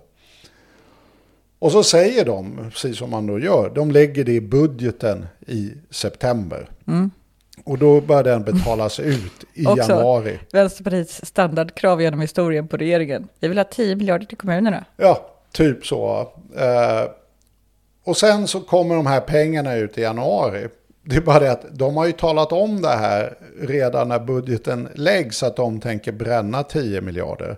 I ett normalt läge med en normal ränta då skulle ju alltså Riksbanken kunna dra tillbaka den efterfrågan rakt av genom att bara höja räntan. Så i praktiken blir det ju vet, eh, Riksbanken som i den meningen, så länge de kan gå uppåt, är de som håller i taktpinnen. Det som är lite unikt nu, var du med på den? Eh, därför så länge vi det har... en- krävde lite eftertanke, men ja. Ja, nej, men de kan liksom plocka hem de här pengarna. Därför då ökar ju bolånen och då ökar det där och så ökar det där och så ökar kreditkortsskulderna och då får folk 10 miljarder mindre. I någon sån här teoretisk värld skulle man ju verkligen kunna tänka sig att man finkalibrerar det där. Staten skickar ut 10 miljarder, de höjer räntan exakt för att dra tillbaka 10 miljarder och så har ingenting hänt. Förutom att staten har blivit fattigare och kapitalägare har fått något högre avkastning på sina sparmedel eller kapital. Och det är inte en jättekul ekvation. Va? Så att där får man nog iaktta en viss försiktighet som regering. Eh, men det vi har idag och haft i tio år, vilket jag tycker vi har utnyttjat något fruktansvärt dåligt, det är att i praktiken kan inte eh, Riksbanken göra det. Därför att vi når inte inflationsmålet. Räntan är noll. De kommer inte kunna höja den. Eh, därför det är helt orimligt helt enkelt. Eh, så idag, så att, att de ber om mera juice i ekonomin är fullständigt förenligt med deras eh, liksom, eh, mål. Det vill säga att de ska klara att få 2% inflation. Därför de vill att arbetslösheten nu faller, att det blir tajtare på arbetsmarknaden, att löneökningstakten kommer upp i någonting som liknar en normal löneökningstakt som är förenlig med 2%-målet. Så att så här har vi ju verkligen ett, och haft under ja, tio års tid mer eller mindre, ett golden opportunity att politikerna hade visat framfötterna igen och sett till att pressa tillbaka arbetslösheten. Och vi hade definitivt haft råd för det. Så det här är ju en, en missed opportunity som har kostat väldigt mycket i arbetslöshet och annat. Politiker är faktiskt mycket mer kompetent, och då pratar jag faktiskt inte bara om dem jag själv gillar, liksom. eh, mycket mer kompetent än vad folk tror. Du bara, jag ser, du gör ett sånt här, om, om ni tänker er nu, ni som lyssnar, en sån här emoji som är att ögonen är varsitt streck och sen är munnen bara ett rakt streck och som försöker ge liksom noll eh, emotion ifrån sig. Sån min gjorde Sandra. Nej men alltså, jag tänker att folk tror att politiker är, eftersom politiker inte är utbildade på politik, för det är man ju inte. De är inte liksom, det är inte en profession, utan det är ju liksom en passion man håller på med. Men så tror man att de heller inte kan någonting. Eh, och att det faktum att man är värderingsdriven, liksom, så att säga, det är en, någonting annat än kompetens. Eh, men de här som kommer hit, alltså typ till riksdagen här där vi sitter nu, de kommer hit, de eh, kan kanske ingenting från början, de kanske är lastbilschaufförer eller något. Eh, och sen så sätter de sig i ett utskott och så sätter de sig in i allting. Och även om, jag menar, ja, på heltid i åratal. Eh, jag ville bara säga att jag tänker så här, typ hela bilden av att polit politikers inflytande alltid är någon slags problem. Eh, Nej, men alltså, är, ja, ja, men det här public choice-skolan, alltså i, i min bok så är det mer eller mindre formaliserat politikerförakt, vad som helt saknar och, verklighetsförankring. och också, får jag lägga till det, för en- är det någonting jag har lärt mig på mina 50 år när jag har jobbat i väldigt många olika branscher, okej jag har inte jobbat i 50 år, först så var jag barn, men så är det att i, i till exempel näringslivet, när jag kom dit och jobbade med, med, med storföretag och så, då trodde jag ju att där, där är drivkraften, så att säga, det, man fattar beslut utifrån rationella liksom, analyser. Därför att det man vill i företaget, det är ju att tjäna pengar och maximera sin vinst, maximera sin aktieutdelning och aktiekurs och så vidare. Eh, och därför så kommer man sitta och göra noggranna, liksom, man kommer göra analys och sen verkställande av vad analysen kommer fram till. Det är så man jobbar i företag, eller ja, jag föreställde mig det. Men så är det ju inte alls man jobbar i företag, utan i företag så fattas besluten av ett gäng som läser analysen, har en känsla av att det är bättre att göra någonting annat. Den känslan är 100% värderingsdriven. Den bygger på vad de själva känner och tycker och tror om världen. Och sen så fattar de det beslutet istället. Ja, fast de har ju säkert massa data precis som alla andra men har. Data, men, men, men om, om, om deras att... känsla för vad som är rätt att göra jo, säger jo. emot datan så gör de ju ofta vad, som, vad de känner är det, rätt Det håller jag med om, men däremot så är det ju så att det, det, det jag skulle säga är ju det att alla stora organisationer, eh, oavsett vilken form det är, om det är Sveriges riksdag mm. eller partierna eller vet du, Volvo eller myndigheter som är stora, drivs av intern politik. Ja, alltså, och av här, eh, Vilka står på den sidan, vilka står på den Verkligen. sidan, vilka kan jag få med mig, vad ska jag säga för att bli mm. omtyckt, vad funkar nu? Ja, Precis, man kan mycket väl sitta som vd på ett svenskt företag, genomdriva en viss liksom plan eller politik, egentligen mest för att eh, Bosse eh, ville ha en annan plan. Och man man liksom hatar Bosse. Alltså sånt finns ju. Och sen så kan det också vara så att man fattar beslut utifrån eh, värderingar man inte känner till. Alltså därför att eftersom man tror att man rör sig i en bransch där man fattar beslut på rationella grunder. Jag menar politiker vet ju att de fattar beslut utifrån värderingar. Att det är så här, typ, jag tycker så här, så här står det i partiprogrammet, så här, det stämmer, så vi vill ha det så här.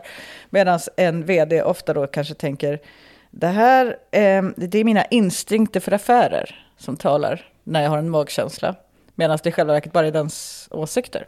Ja, förlåt. Eh, utläggning. Ja, nej men alltså så är det ju. Alltså, det, alla har ju sina små besluts... Eh, jag brukar tala ibland om makrorationalitet och mikrorationalitet. Va? Alltså att i de här små beslutsmiljöerna så formas någon form av mikrorationalitet. Att det här är klokt för mig att göra. Hur, det, hur det, den klokskapen, och då, då kan de ha rätt. Att det här är klokt för mig. Det här gynnar till exempel min karriär som vd. Att om jag tar över ett bolag, då borde jag trycka upp aktiekursen och vinsten och vet, se till att vet, det går väldigt bra nu på kort sikt om jag är något sån här ung och karriärsugen det kan ju innebära till exempel att jag uppnår det här genom att kraftigt dra ner på investeringarna och så vidare. Va? Mm. Gör spekulativa uppköp som kortsiktigt lyckas och så vidare. Sen efter tre år det här har lyckats, då får jag ett nytt och större bolag. Därför mm. då, ser jag, då ses jag som en vd som lyckas få upp kursen och vinsten. Mm. Och det är en eftertraktad egenskap. Mm. Om den just eftertraktade egenskapen ledde till att det här företaget de facto blev bättre, det kanske man först ser 10-20 år senare när mm. de där investeringarna man borde ha gjort mm. inte gjordes. Och det är först mm. då man upptäcker att det är tomt på lagret avseende nya idéer. Va? Jag är nästan redan nu arg på den här vdn. Ja, nej men alltså, och det är inte ett ovanligt... Åker snålskjuts. Ja, ja, ja, men det är här ju så här, det, det är ju skämtet var ju förut så här, tredje riskkapitalbolaget är inne i ett stort eh, gammalt hedervärt bolag. Mm. Då har man verkligen sugit skelettet rent alltså. Då, är det liksom, då kan man nästan vara hundra på att det finns inga reala substansvärden i det här bolaget kvar. Va? Så att, nej, men, det, men allting har sin egen logik och folk agerar utifrån den mikrologik som de så att säga finns inom. Jag brukar fatta ganska mycket beslut baserat på en kombination av humör och energinivå. Men eh, jag vet i alla fall om det. Ja, men lite så. Jag, jag, tror att det är bra att ha vissa självinsikter när man är inbegripen i en mikromiljö i varje fall och inser att nu beter jag mig så här. Men men bortsett från det så kan vi återgå till finans och penningpolitiken. Så eh, det, det som är det ultimata beviset på att eh, Milton Friedman var fullständigt ute och cyklade och hela den skolan kring hur man såg på politiker och som har motiverat alla de här strukturella förändringarna det är ju inte minst Sverige de senaste tio åren. Alltså enligt den skolan så är ju det liksom en sån easy peasy slutsats att wow, nu fick politikerna möjlighet igen att brassa på och trycka ner arbetslösheten och göra sig populära och bli mm. valda. Nej, Röttet. gjorde de inte alls det. Utan de gjorde till och med så lite att det framstod som irrationellt åt andra hållet. Va? Eh, som det liksom, mm. Politiken funkar helt enkelt inte på det här väldigt välordnade sättet som de, ja, grov förenkling föreställer sig. Att Politiker försöker bli köpta oavsett om de är höger eller vänster genom att hålla nere arbetslösheten och folk lyckliga med god ekonomisk mm. utveckling. Det politiska, om det vore så väl. Lite faktiskt. De hade i den meningen en väldigt positiv syn på politiken. Idag så är det nog betydligt mer komplext än så. Så att det här med, så att kort sagt, ja, idag så skulle jag säga, med det vi står inför nu, givet hur finanspolitiken eh, och penningpolitiken ser ut, så har vi enorma möjligheter att tänka om kring finanspolitiken för att klara de här väldigt stora omställningskostnader vi har framför oss. Mm. Därför liksom statens budget är lite avdelningen pay as you go-budget. Eh, det vill säga den går på löpande räkning. Så om vi plötsligt säger att vi vill göra jättestora investeringar i nät, elnätverk, mm. i laddinfrastruktur, i järnväg.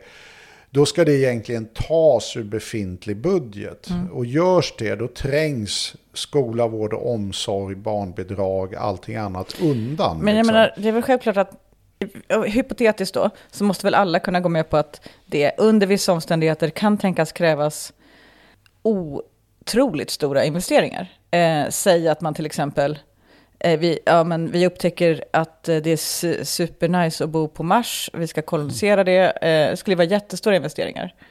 Och sen så är det en glidande skala ner till, liksom, typ, vi behöver bygga en bro här.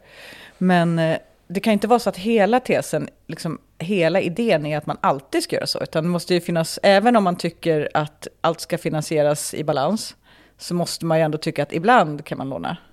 Nej, det gör man inte. Okej, men det utan, är ju vansinnigt. Ja, Hur ska vi då utan, kolonisera Mars? Ja, men alltså man kan ju säga det så här, i någon sån här steady state och allting bara rullar, då kan man ju säga att ja, men vi måste lägga så här mycket på investeringar varje år och så måste vi lägga så här mycket på barnbidrag och skola, vård och omsorg. Så här. Och så rullar maskinen mm. år efter mm. år och allting är steady state. Och så får man liksom. spara i ladorna som Margareta, äh, Mag ja. Magdalena Andersson brukar säga. Ja, men det kan man göra om man känner för det. Då kan man ha ett överskott. Så att man kan investera någon annan gång. Nej, det är inte riktigt så Nej. det funkar. Utan det är liksom... Det är en av de stora snömosmyterna just nu. Va? Det, alltså just det här området omgärdas av så mycket mm. vad jag skulle kalla mytologi. Till exempel att Sverige kunde nu göra aktiva insatser mot covid därför att vi hade sparat i ladorna. Mm. Det är ju jättemärkligt att varenda land i hela världen har gjort dessa insatser. Men då tänker jag att det kommer de få betala dyrt för om de inte har sparat i ladorna eller inte. Vilket gör ju liksom att just att lägga pengar på covid förefaller inte sparande i ladorna vara den avgörande faktorn helt enkelt. Nej. Så att det, det men det där är ju en helt annan debatt som man skulle kunna ta någonting om någon gång. Men utan Däremot så är ju mitt case är väl mer, vi är inte idag i steady state. Mitt case är mycket mer likt ditt case. Vi ska kolonisera månen, fast det vi faktiskt ska göra är att ställa om till en grön ekonomi. Mm. Det kommer att under kort tid kosta massvis med pengar mm. i investeringar och förändrade liksom infrastruktur och allting. Va? Det gör ju också att den här generationen skattebetalare får ju bära hela kostnaden av en historisk omställning som vi i praktiken har ställt till med under de 200 senaste åren och ska ha nytta för de närmaste tusen åren. Va? Varför skulle just detta lilla urval ur alla de generationer som har levt under dessa 1200 år, varför skulle just den här generationen plocka upp räkningen för det alla har gjort och alla behöver göra? Va? Utan det, enda, det här är ju ett sånt otroligt liksom, klockrent exempel när man ska smeta en kostnad över tid och generationer. Och det gör man helt enkelt genom att låna pengar. Så att, och det, det har ju inte... Alltså Tyskland rör ju till och med på sig nu. Det här gamla ordeliberalistiska landet. Va? Eh, som är ja, portalparagrafen eh, för alla som älskar stram finanspolitik. Va?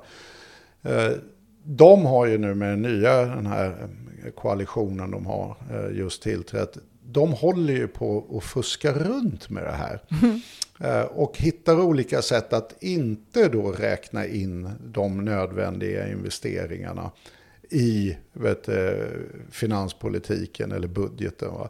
Men där alla ser att det här är ju bara ett sätt att runda eh, budgeten. Och så är folk beroende på vilken sida man står upprörd över rundningen eller glada över att de faktiskt försöker runda och göra något vettigt. Eh, Men det här kommer vi också komma in i. Alltså, Tänker vi ta den här omställningen på allvar, då kommer vi också behöva ompröva vår syn på det finanspolitiska ramverket och vilken funktion den behöver fylla.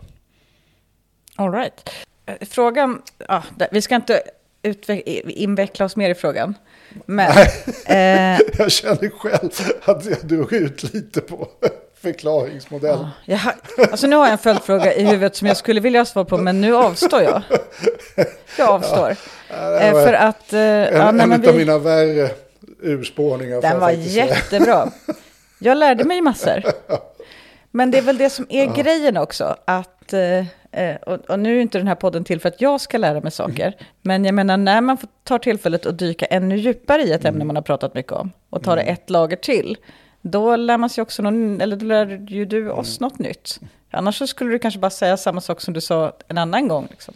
Ja, ja, Mm. ja, tack för att du inte har en snäll attityd. Nej, jag tycker det var jätteintressant. Två korta frågor tar vi då.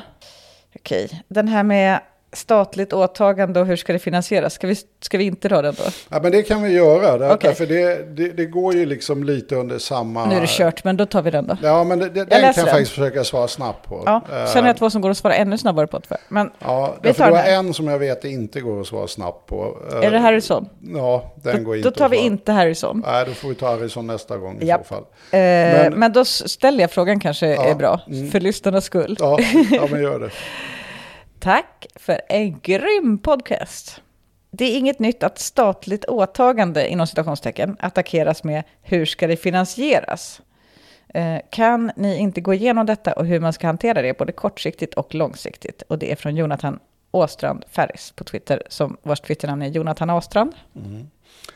Jo, alltså det är, det är inte så knepigt det här med att finansiera det som då formellt sett kallas det offentliga åtagandet. Eh, och det är ju liksom en metod som bland annat då Konjunkturinstitutet använder och säger att liksom alla de här löftena om skola, vård och omsorg och eh, pensioner och allt möjligt sådär, det, det är ett offentligt åtagande. Vad kostar det och så hur ska vi betala det?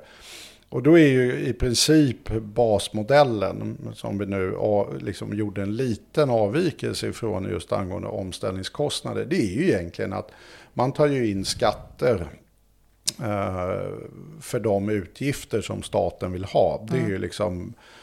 Och sen kan man, det här, alltså det är ju liksom, vad ska man säga, steady state. Att det här, vi har en balans på det offentliga åtagandet och de intäkter staten tar in. Då. Det är ju en fördel med att vara stat. Jag menar, om jag... ehm, jag, jag kan ju inte bara säga så här, men då ökar jag min lön. Utan jag har ju min lön och sen så, jag kan sig utbilda mig, byta jobb och sådär, men jag kan inte bara öka den. Eh, men det kan ju staten bara säga, okej, vi tar in mer. Det kan de och det, och det där har ju då eh, sina liksom, eh, ja, särskilda problem och någon gång får vi prata om det också. Men, vet, du, men vi har ju sänkt skatten dramatiskt eh, under de senaste ja, lite drygt tio åren. Och det är över 300 miljarder idag som vi har sänkt skatten årligen med. Så det offentliga åtagandet på grund av att vi har tagit bort förmögenhetsskatt, värnskatt, arvsskatt eh, ja, och sänkt skatter generellt och så vidare. Så har ju det lett till att vi kan ju ha ett offentligt åtagande som är i praktiken då 300 miljarder mindre om man ska jobba med den här enkla modellen pengar in, pengar ut. Va? Eh, och det, det, är ju naturligtvis så att vi måste ju fundera på vad, vad tycker vi är värt i statsbudgeten att göra. Eh, tycker vi till exempel att finansiera städtjänster i hemmet som är kraftfullt subventionerade, det som kallas RUT, då är rätta sättet att använda pengarna på. Eller vill vi istället höja garantipensionen? Så att mycket av statens budget, ibland fokuserar vi ju så här, ja men nu har vi gjort av med så här mycket pengar, lite drygt 1200 miljarder. Va? Så att det är väldigt mycket pengar som snurrar runt mm. va, årligen in och ut. Liksom. Uh, det, frågan är egentligen hur vill man finansiera det här handlar rätt mycket om hur du vill prioritera saker helt enkelt. Sen kan man det här med lånefinansiering och inte, det, det är mer relevant tycker jag ur det här äh, omställningsperspektivet och ur ett konjunkturperspektiv. Att när ekonomin går dåligt så ska staten absolut naturligtvis inte börja spara precis som hushållen gör. Därför då dyker ekonomin ännu djupare ner. Utan då ska ju staten låna till sina utgifter och bidra med efterfrågan. Så att för mig är det här låna är strukturella frågor som rör omställning och konjunktur. Det vill säga att staten lånar lite ibland och betalar tillbaka lite ibland och håller på sådär. Va? Och sen i någon slags allmän mening så får vi ändå in de utgifterna som eh, vi ska ha liksom i form av skatter. Men då är det ju, alltså, vi, vi har ju vansinniga saker i, i liksom budgeten. Va? Vi har de här nedsättning av arbetsgivaravgifter av unga som är så bevisligen även forskningsmässigt en extremt ineffektiv åtgärd för 10 miljarder. Va? Det, är, det är världshistoriens dyraste liksom, subvention till snabbmatskedjor. Va? Eh, så att det, det går ju att göra fruktansvärt mycket inom ramen för de här 1200 miljarderna. Och där skulle vi kunna eh, inrymma både betydligt större satsningar på vård, skola, omsorg, på vet, garantipensioner, på ja, allt möjligt helt enkelt. Mm. Va? Därför det är ett enormt slöseri. Alltså det, det, som, det man skulle göra en enorm översyn av är det staten kallar numera för skatteutgifter. Och det är ju nedsättningarna från normala liksom skatteintaget. Alltså utan att inte, man behöver inte höja en enda skatt egentligen. Va? Utan man säger bara att det där undantaget som vi har gjort mm. känns lite svajigt. Uh, och bara där finns det väldigt, väldigt mycket pengar att plocka hem. Och alla de här undantagen, ja. eller inte alla, men väldigt många går ju mot att det gynnar de som redan har höga inkomster. Så... Jag ser ju när jag får min deklaration hur bisarrt mycket pengar jag får utan att ens veta om det. Alltså jag röst, mm. alltså typ, det spelar inte ens någon roll när jag går till vallokalen för att det är inget jag tänker på, att jag får det här ränteavdraget. Mm. Ja, eh, för, att jag, för att jag har köpt ett hus som jag har lånat pengar till. Och då får jag massa pengar. Det är så sjukt. Jo, men ränteavdraget var ju rimligt när vi hade fastighetsskatt. Därför då betalade du en skatt för, mm. vet, för den tillgångens tillväxt och på då taxeringsvärdet. Och, och, det var ju vinsten av den här tillgången du hade köpt. Mm. Och då fick man dra av kostnaden för att köpa den här tillgången. Så att det, fanns, det var en väldigt tydlig koppling däremellan. Att har vi fastighetsskatt ska vi ha ränteavdrag också. Därför det är kopplat till varandra. Och så ser man ju på liksom mer eller mindre all verksamhet. Sen kom vi på den här otroligt dumma idén att vi skulle ta bort fastighetsskatten som i princip gynnade nästan uteslutande väldigt förmögna hushåll i Stockholm. Alltså det, det, det finns ju ingen mm. borttagande av skatt om man, inte und, om man undantar möjligtvis förmögenhetsskatt och arvsskatt som har en sån otroligt sned eh, fördelningseffekt. Va? Att, jag menar, om du bodde liksom i en strandvilla i Saltsjöbaden, låt oss säga Solsidan, vad heter han som bor vid vattnet? Fred, eh, Fred och Mickan eller Fredde och, Vi tar Fredde och Mickans kåk va. Alltså vinsten för att ta bort fastighetsskatten på Fredde och Mickans kåk är enorm va. Alltså det är liksom jackpot. Uh, men däremot så spelar den ju absolut ingen som helst roll för till exempel en kåk i en mindre stad eller i Sverige och så vidare. Utan det här är ju framförallt en, en, lätt, en Stockholmsskatt helt enkelt ja. som man tog bort på förmögna. Och, det, och dessutom finansierade sen då med att man höjde reavinsten och så här. Så man, man la det på de bostadsrättsägare som ofta byter bostad. Och i praktiken blev det här också en generationsorättvisa. Det, att reavinstskatten. De, Ja, det är när man säljer. Ja, jag vet. Uh, och jag så la man ju den. på att man fick betala uppskovsränta. Förut så fick du ju skjuta upp det. Alltså man, man fiddlade runt med grejer som drabbade människor som hade bostadsrätter och ofta bytte bostadsrätt. Därför om du inte rörde på det, va, då var det coolt. Snacka mm. om att stimulera liksom, rörlighet. Sitt still for God's sake. Allt annat kostar pengar. Mm. Uh, väldigt konstig politik. Och då, då gjorde man ju det att nu tar vi bort skatten för Fredde. Men det man i praktiken gjorde, det var ju, så att, men därför det här drabbar ju också i huvudsak medelklass och övre medelklass, liksom överklass. Att, nej, då fick ju deras barn istället som gjorde bostadsrättskarriär, som höll på att byta en etta till en tvåa, mm. flyttade ihop, gjorde sig en fyra eller något sånt där, i dyra områden. Och därmed fick den här uppskjutna eh, reavinsten och så vidare. De fick pröjsa eh, kostnaden för att deras rika föräldrar skulle slippa den. Jag tycker det känns skulle, skulle kännas rimligt att på något vis avskaffa det här? Nu, nu, tänker jag bara liksom utifrån någon slags, inte politisk ideologi, utan eh, logik i systemet. Avskaffa det här ränteavdraget och, och reavinstskatten. Det vi ska göra, jag är inte riktigt med alltså, dig typ, där. Inte, borde inte det kvitta varandra lite grann? Jo, jag vet. Jag är lite mer så här, jag kan inte låta bli, alltså det stör mig så otroligt alltså själv, jag är inte men, otacksam, jag uppskattar ränteavdraget. Det är ju väldigt lite idag för de flesta, därför att det är ju när räntorna är så här låga, men däremot så kommer det ju... Nej, räntorna är inte låga om man har, som jag, alltså typ lagt om sitt lån under den tid då eh, liksom man hade en betalningsanmärkning? Jag vet, men det är inte majoriteten av bostadsrättsägare.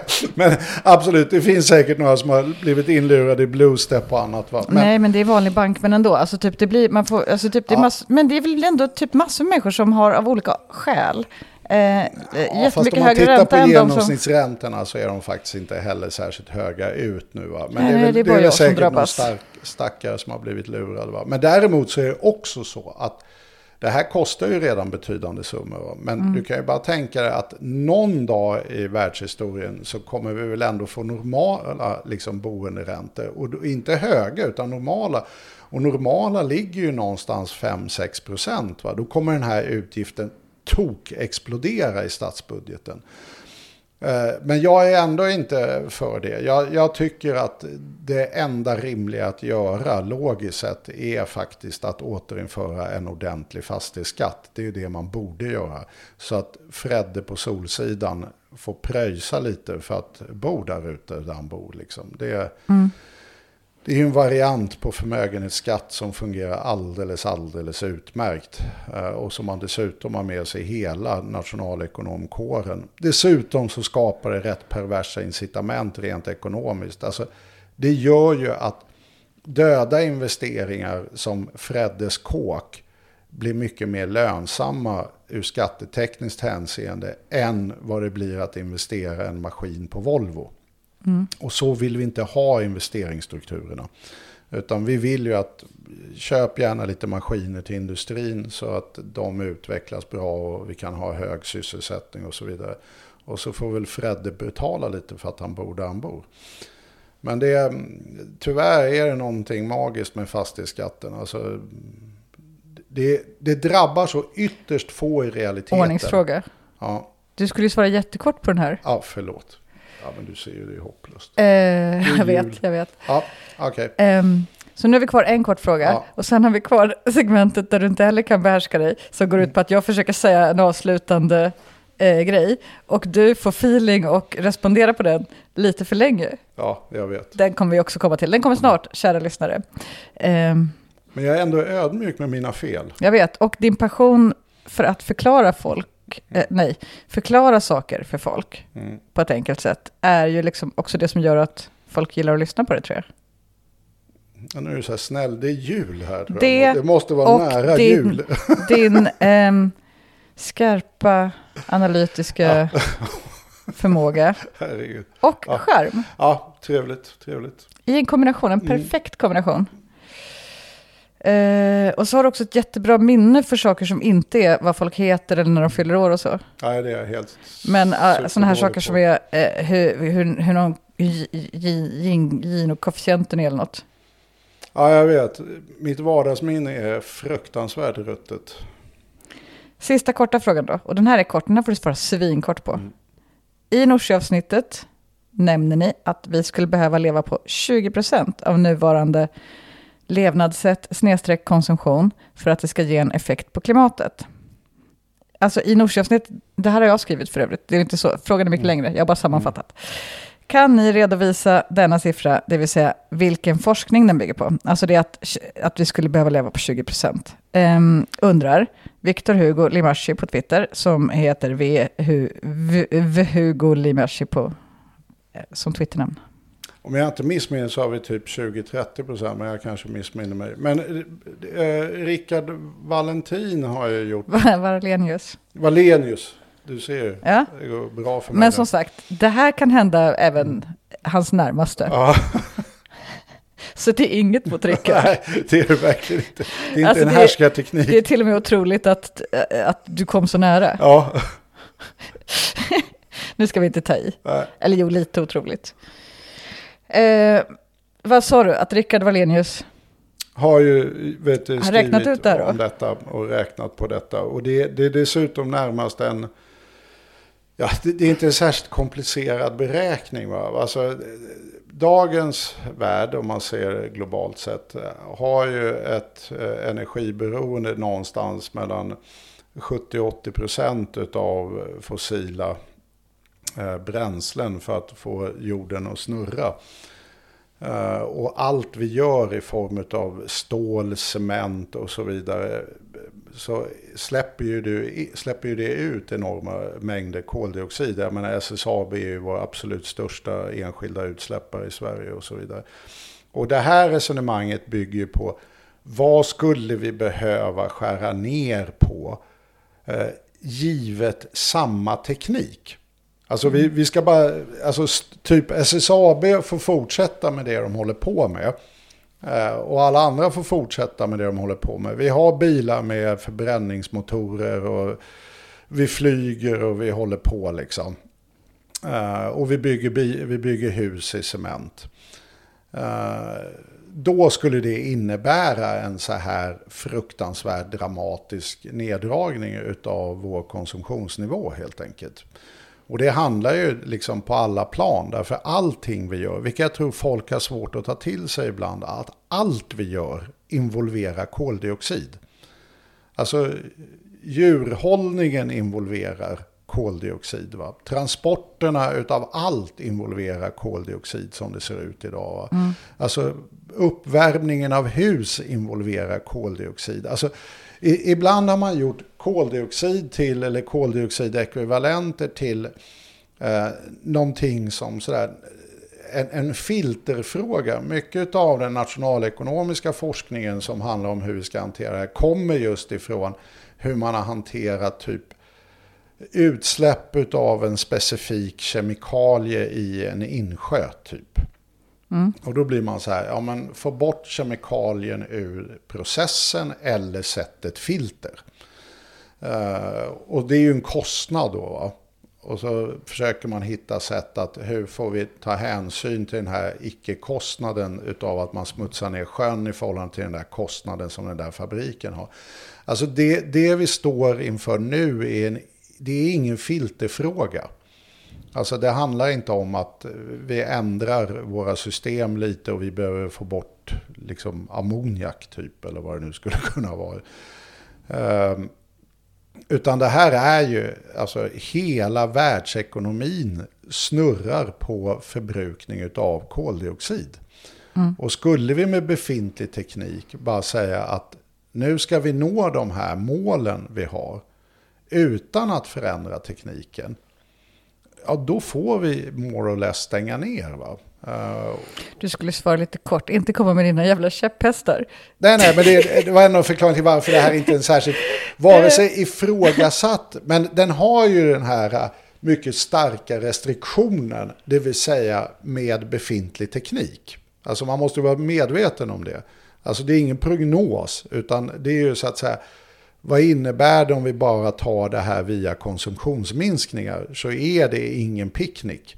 Nej. Uh, och därav blir ju till exempel att utveckla vindkraft som är ny teknik, att utveckla elbilar som är ny teknik, gör ju att den här transitionen kan bli faktiskt i slutändan också någonting positivt och bra. Men det kommer i sin tur förutsätta enorma investeringar, både i ny teknik, inte minst faktiskt, vilket många glömmer bort, implementering av ny teknik.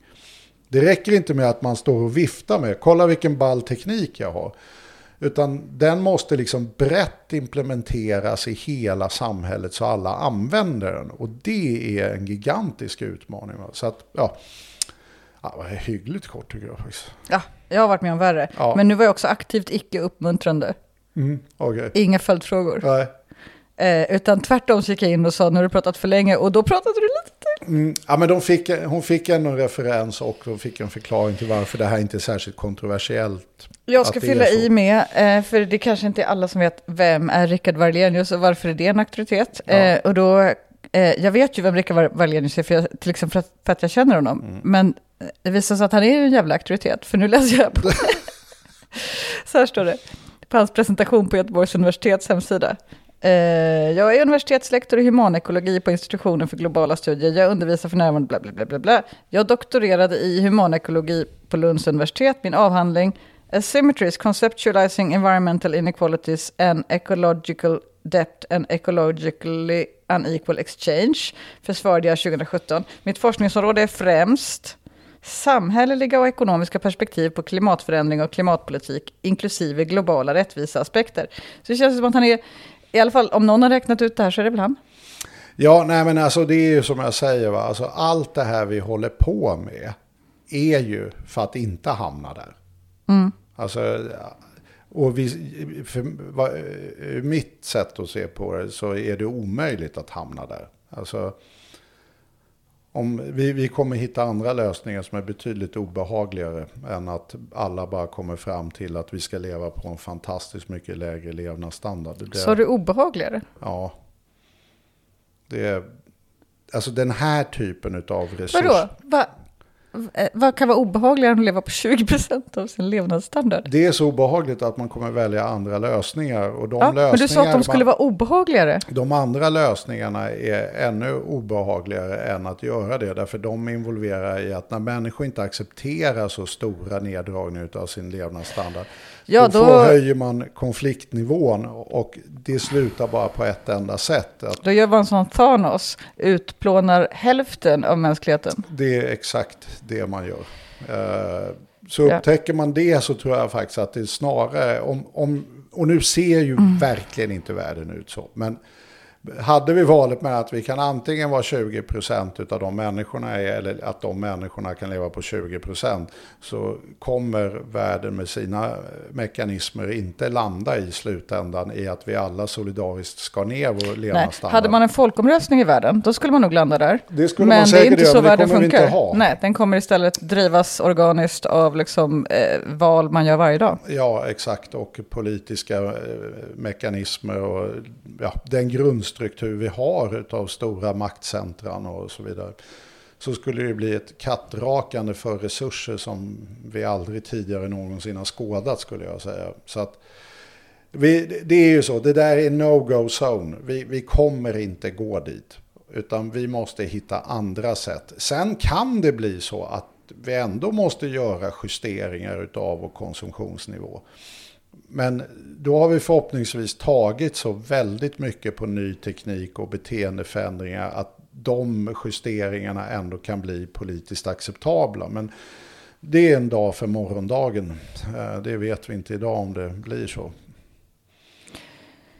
Eh, när, jag, när jag jobbade, eh, när jag var ung då, eh, så höll jag på och jobbade med ungdomsförbundsgrejer. Och då var jag ute väldigt, väldigt mycket i skolor och eh, pratade, alltså typ dagarna i ända. Så att då står man och drar samma presentation gång på gång på gång, eh, flera gånger om dagen. Eh, och då hade vi valsamverkan med SP ett tag, och, så jag hade med mig en, en drotte då, som hette Rickard Brennjus. Och eh, han började alltid på samma sätt. Eh, som var så här, om det vore folkomröstning i världen för eller mot svält, då tror jag mot skulle vinna. Det var en bra, men det var en stark start, en väldigt bra retorik.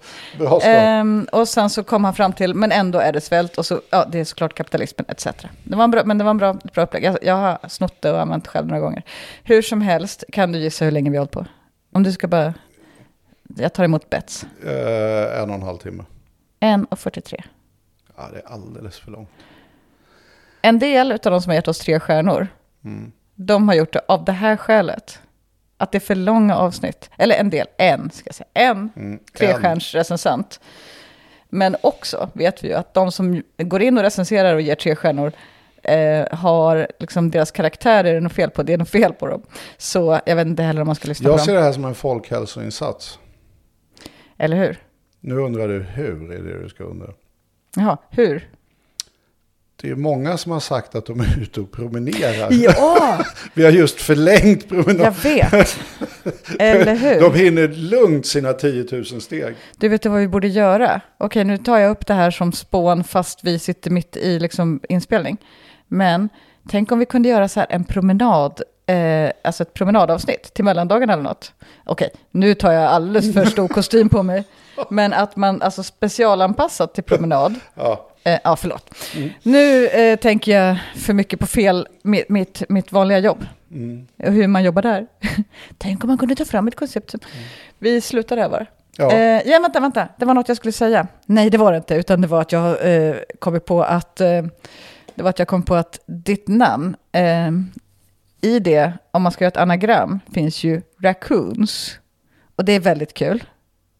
Gör du? Ja, tyvärr vet jag inte vad man ska göra av de fyra bokstäver som blir över. Vilket är OSDC. Um, men så om någon kommer på det. OSDC, det låter som någon sån här... Docs. Eh, ja, men, ja. Kods, Oh, alltså kods. när du drog det är, så så lät det mer som en sån här engelsk adelstitel. mm, eh, kods, alltså torskar. Mm. Men det blir inte bra.